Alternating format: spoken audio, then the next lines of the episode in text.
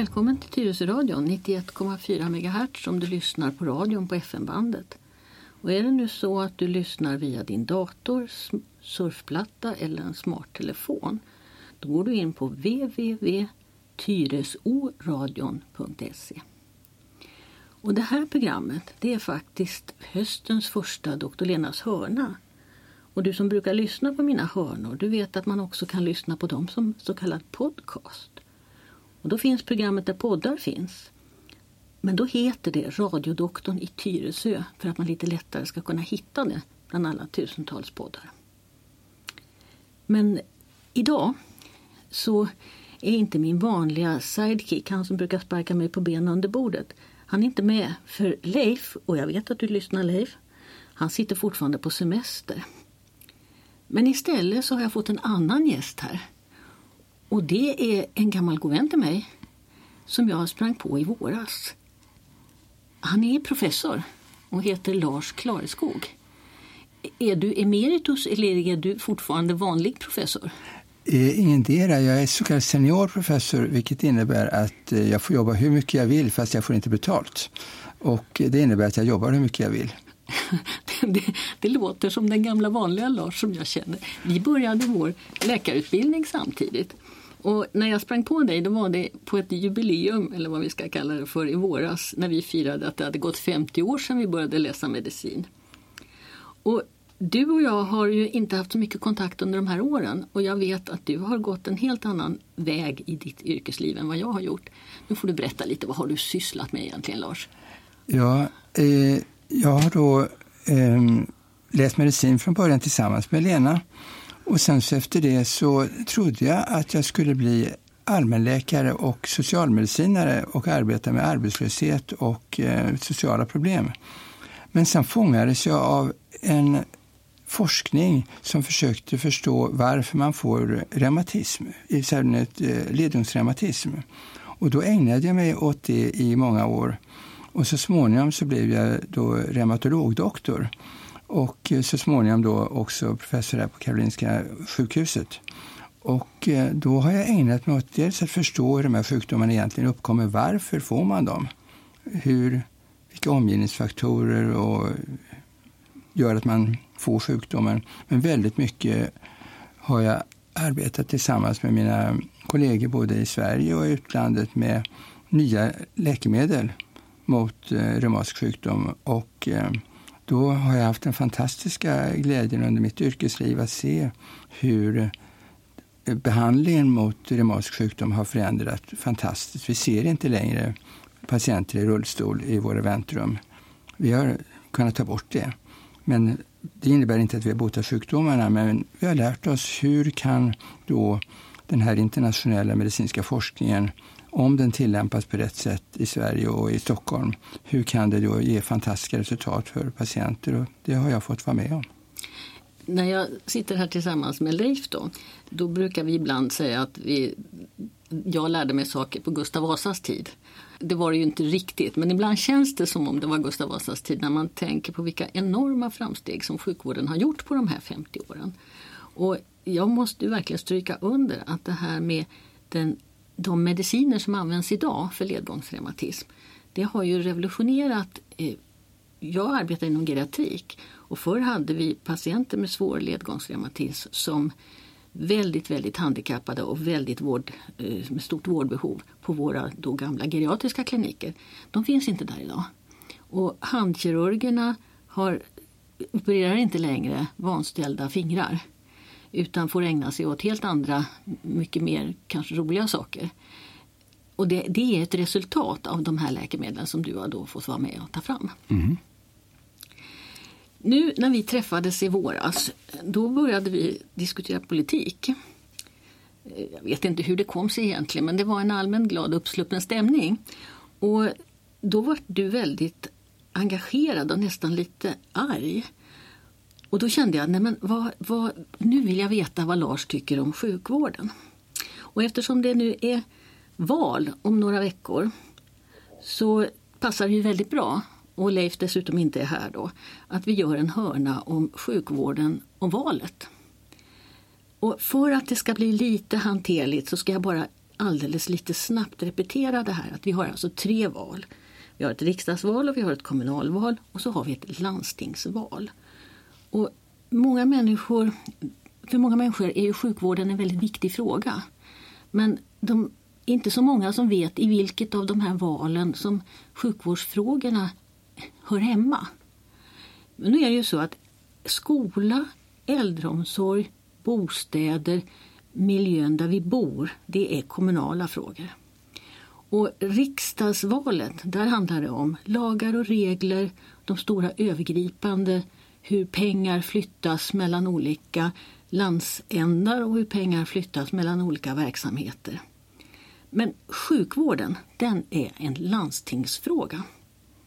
Och I landstinget så har man ju också naturligtvis det här med pendeltåg och eh, kulturen. Och från och med nyår så kommer vi inte längre ha något landsting i Stockholm utan vi kommer ha Region Stockholm. Och det var någonting som man beslöt i våras. Det finns regioner på, i, i Skåne, det finns region Västra Götaland och det här är en utveckling där man försöker att få landstingen lite mer ekonomiskt hanterliga. Det vi väljer nu det är då landstingsfullmäktige. Och i, i den nuvarande mandatperioden så är det Alliansen som har majoritet i landstingsfullmäktige. Och det är socialdemokrater och miljöpartister och vänster som ligger i opposition.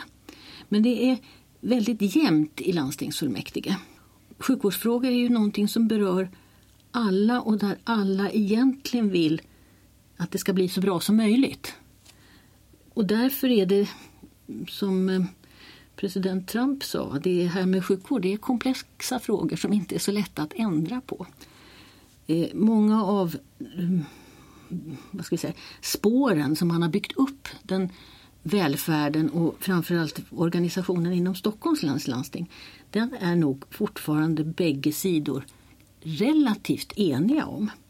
Men sen finns det då viktiga skillnader.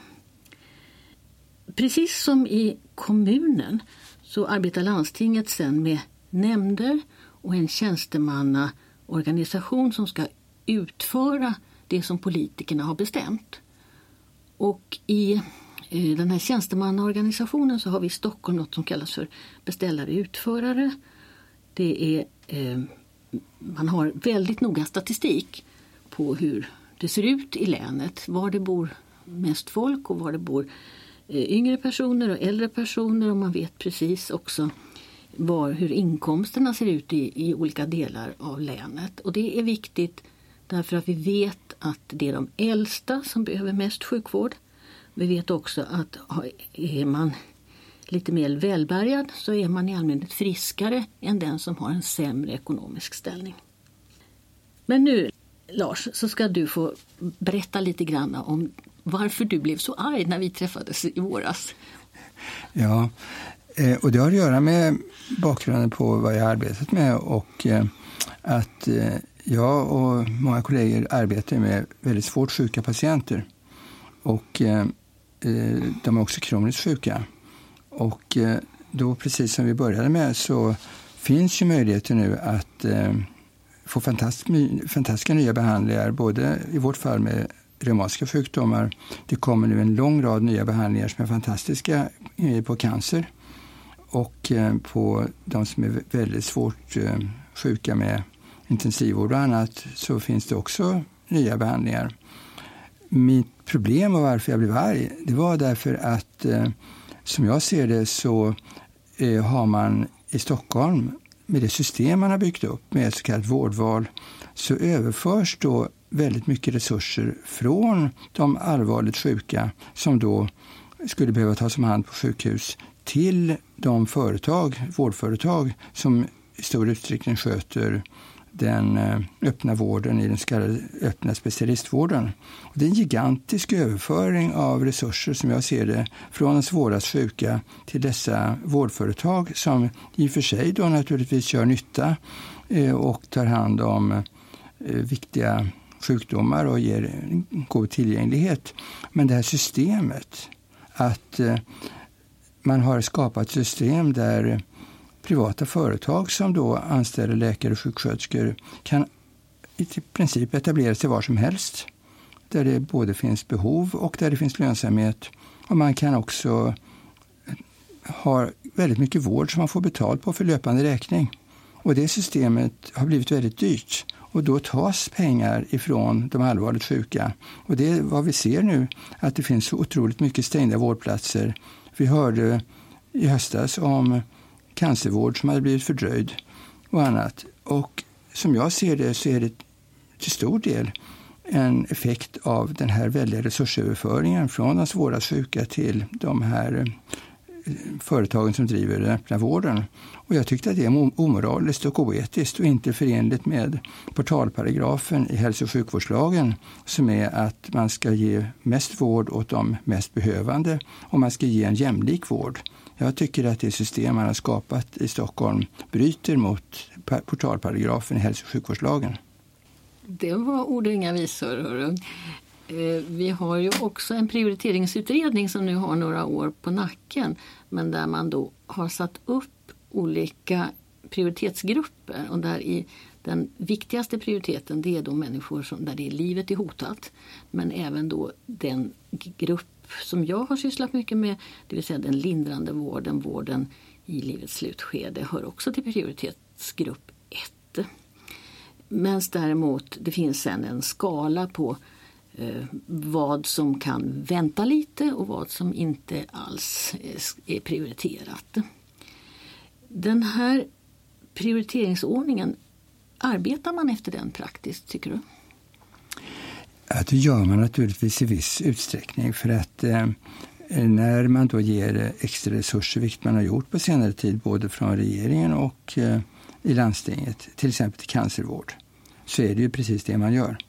Och eh, vad gäller de kroniska allvarliga sjukdomarna så historiskt så i det område som jag har varit så har man gett ordentliga extra resurser för att eh, göra det möjligt att använda de nya läkemedlen vid reumatiska sjukdomar som är rätt dyra.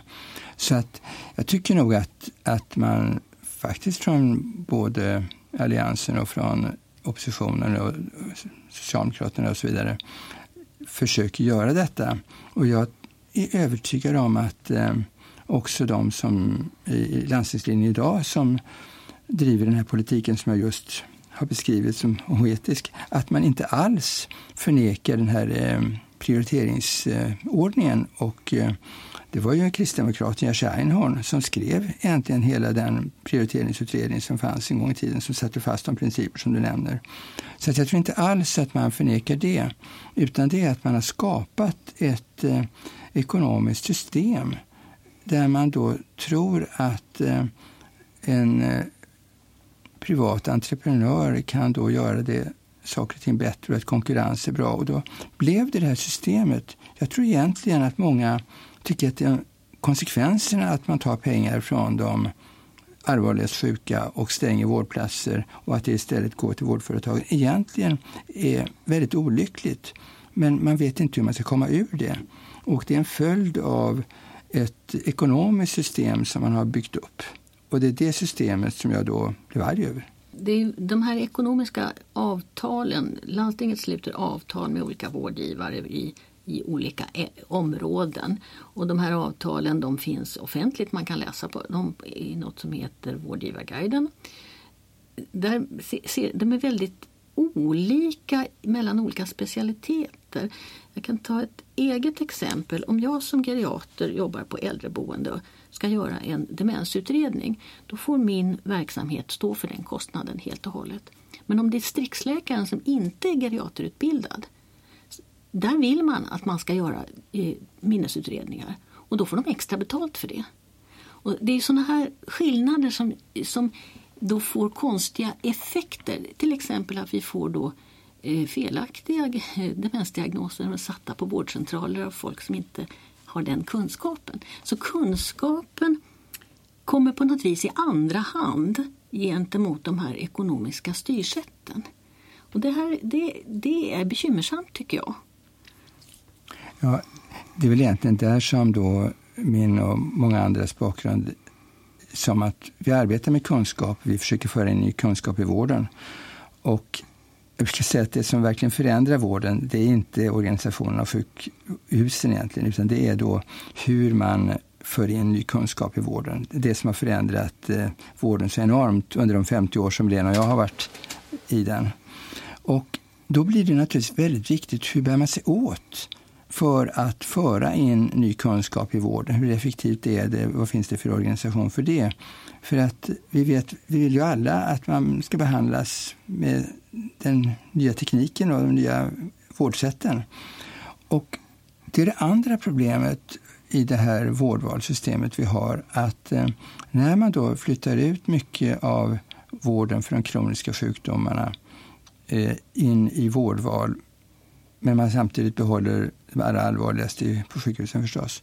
Ja, vad som händer då är att eh, de privata vårdvalsaktörerna de får inte betalt för att göra forskning och utbildning utan i praktiken så försöker man effektivisera en, en privat verksamhet förstås. Och då när det inte finns incitament att eh, skapa forskningsverksamhet, ja då blir det ingen forskning. Så i praktiken, vad som har skett under de här åren är också att man rustar ner Eh, forskningsverksamheten, den kliniska forskningen inom många ämnen. Och det innebär ju att eh, patienter i Stockholm över tid inte får tillgång till de bästa läkemedlen och modern vård. För att det sker inte om man inte har en aktiv klinisk forskning hela tiden.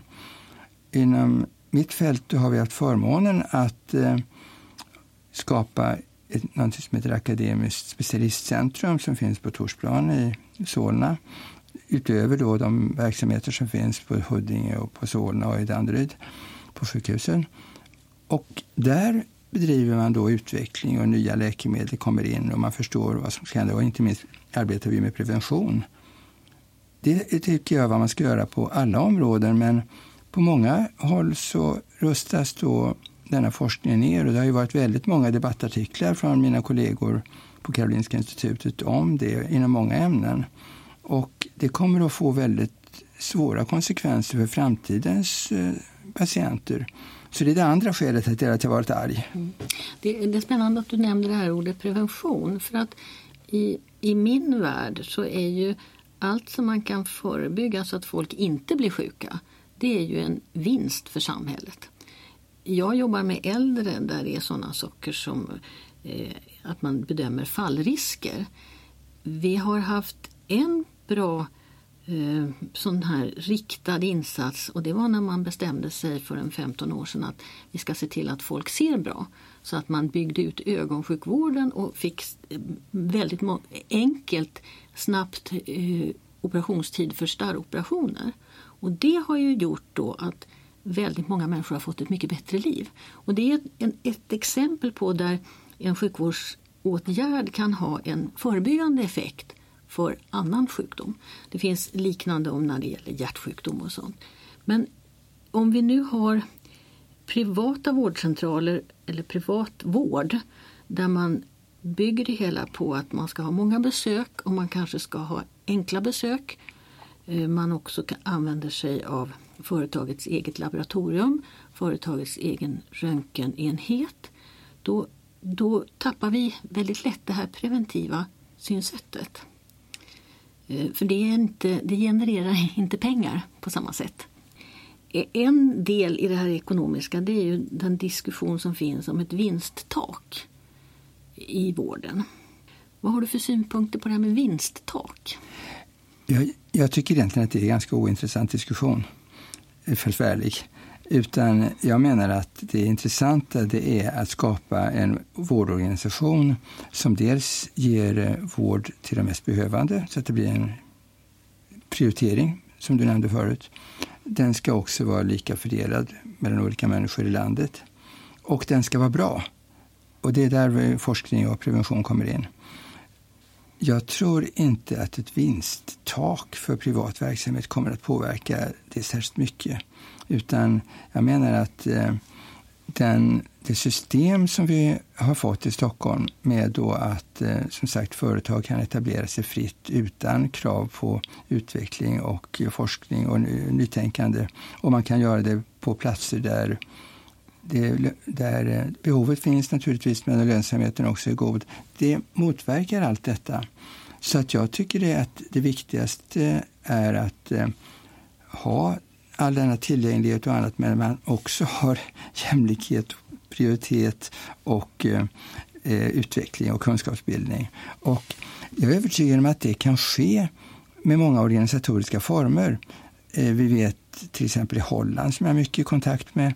Där finns det åtta konkurrerande men offentliga eh, försäkringsbolag som sluter avtal med, försäk- med eh, eh, vårdenheter som i och för sig drivs av offentlig verksamhet ofta, men ibland privat. Men det är inte direkta vinstintressen inkopplade, men det finns en konkurrens och det finns en diversitet och det finns mycket valfrihet. Man kan skapa mycket valfrihet utan att ha de här eh, privata företagen som driver det hela, utan ha mycket incitament för valfrihet, för tillgänglighet och annat på annat sätt. Och det är det som jag tycker har missats i diskussionen.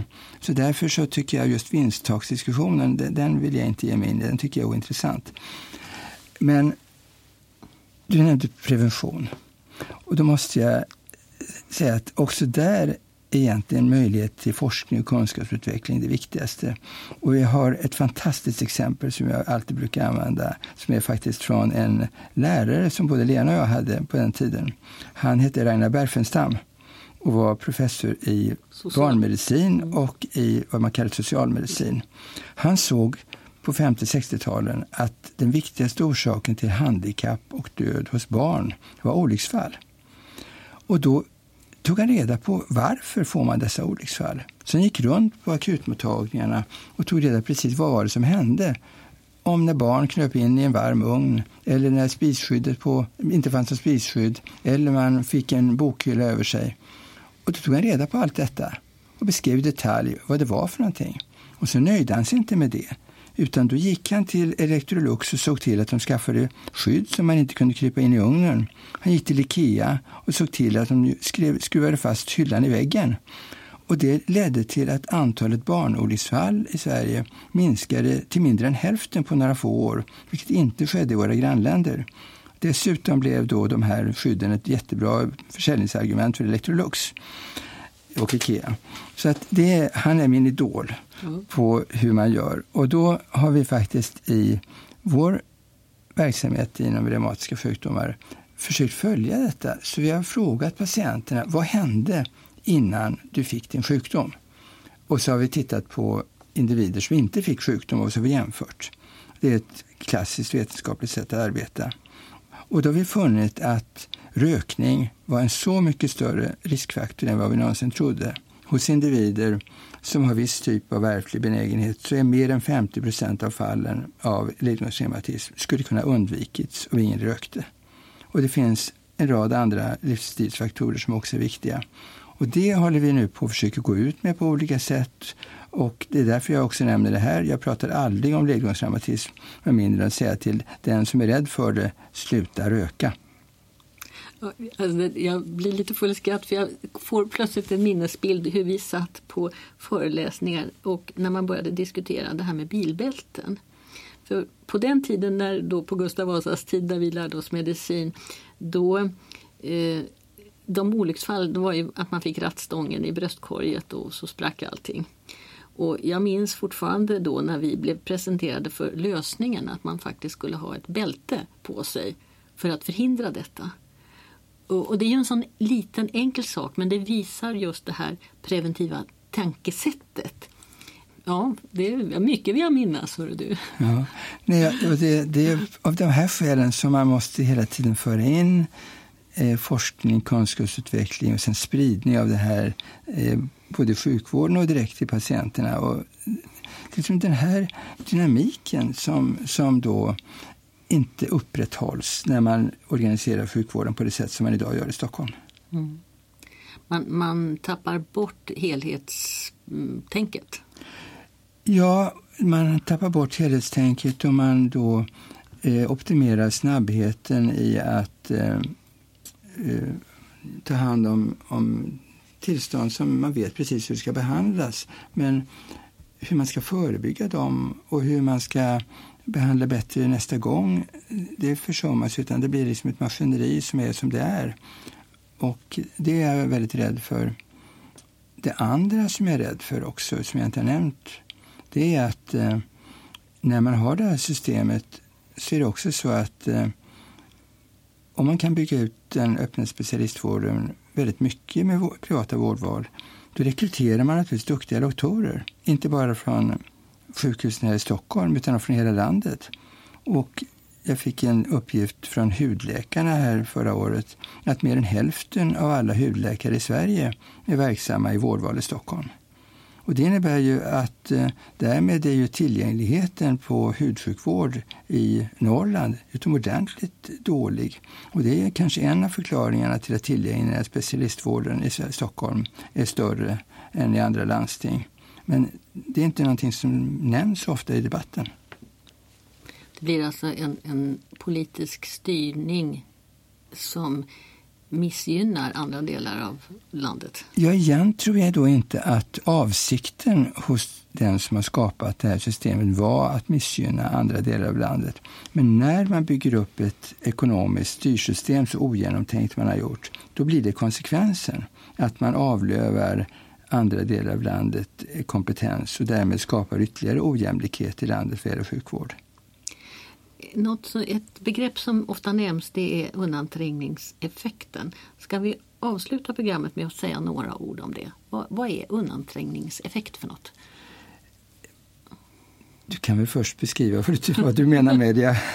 ja, eh, jag representerar ju då en liten specialitet där de allra äldsta, mina patienter, är då 85 plus, 90 plus. Och de har eh, hälften av alla 90-åringar har en kognitiv eh, sjukdom eller en, en kognitiv påverkan så att eh, man brukar räkna med att efter 90 års ålder så är det hälften ungefär som är vad vi säger klara i huvudet eller inte klara i huvudet. Och det här är ju svaga patientgrupper som inte kan föra sin egen talan och som ofta hamnar sist i alla köer. Även om de har ett berättigat eh, vårdbehov och jag skriver en remiss så vet jag ju att man tittar på åldern. Och så säger man att den här människan har så många andra sjukdomar så att det här är nog inte något att satsa på. Det, det är... Jag upplever att mina patienter ibland blir åldersdiskriminerade. Okej, okay, då förstår jag vad du mm. menar. Mm. Eh, och det här är ju naturligtvis vad som händer lätt i eh, all verksamhet. Jag vi tycker att det är lättare att ta hand om en patient med en tydlig sjukdomsdiagnos där vi har en bra terapi att sätta in och jag och min patient blir lycklig nästa gång när vi träffas. Det är ju naturligtvis det som är det lättaste. Nu är det dessutom det som man får bäst ersättning för. Mm. Eh, alla de andra patienterna där vi inte riktigt vet från början vad det är och patienter kan ha svårt att beskriva vad det är för någonting fast man har varit sjukskriven länge. Mycket svårare. Och Ska man då ha en jämlik sjukvård och en sjukvård som följer prioriteringen av de mest behövande, ja, då måste ju det finnas ordentligt utrymme för de som du beskriver. Och jag kan inte se att eh, det här systemet med eh, ersättning per pinne, per, alltså per besök hos eh, i den privata specialistvården egentligen gör det möjligt att Eh, prioritera de mest behövande. Även om man skulle vilja det. Jag är övertygad om att doktorerna som arbetar i de enheterna gärna vill det. Kanske också de som är entreprenörer vill det. Men konstruktionen gör att det inte blir möjligt. Så att vad jag hoppas på sker i höstens landstingsval det är att eh, man faktiskt tar konsekvensen av att eh, Alliansen har drivit den här politiken förmodligen säkert i välmening av att bättre tillgänglighet med resultatet för de svårast sjuka och för de som är på sjukhusen har blivit katastrofalt och också dåligt för resten av landet. Och därför så måste, de, så måste man göra det på annat sätt. Så därför hoppas jag att det blir en ändring av styret i landstinget till hösten. Då låter vi det vara slutordet för den här halvtimmen. Du har lyssnat på Dr. Lenas hörna mellan mig, Lena Hjelmerius, och min gamla kurskamrat professor Lars Klareskog och vi har diskuterat sjukvården och dess inriktning och nu i valtider. Tack så hemskt mycket Lars för att du ville komma hit. Tack så mycket för att jag fick komma.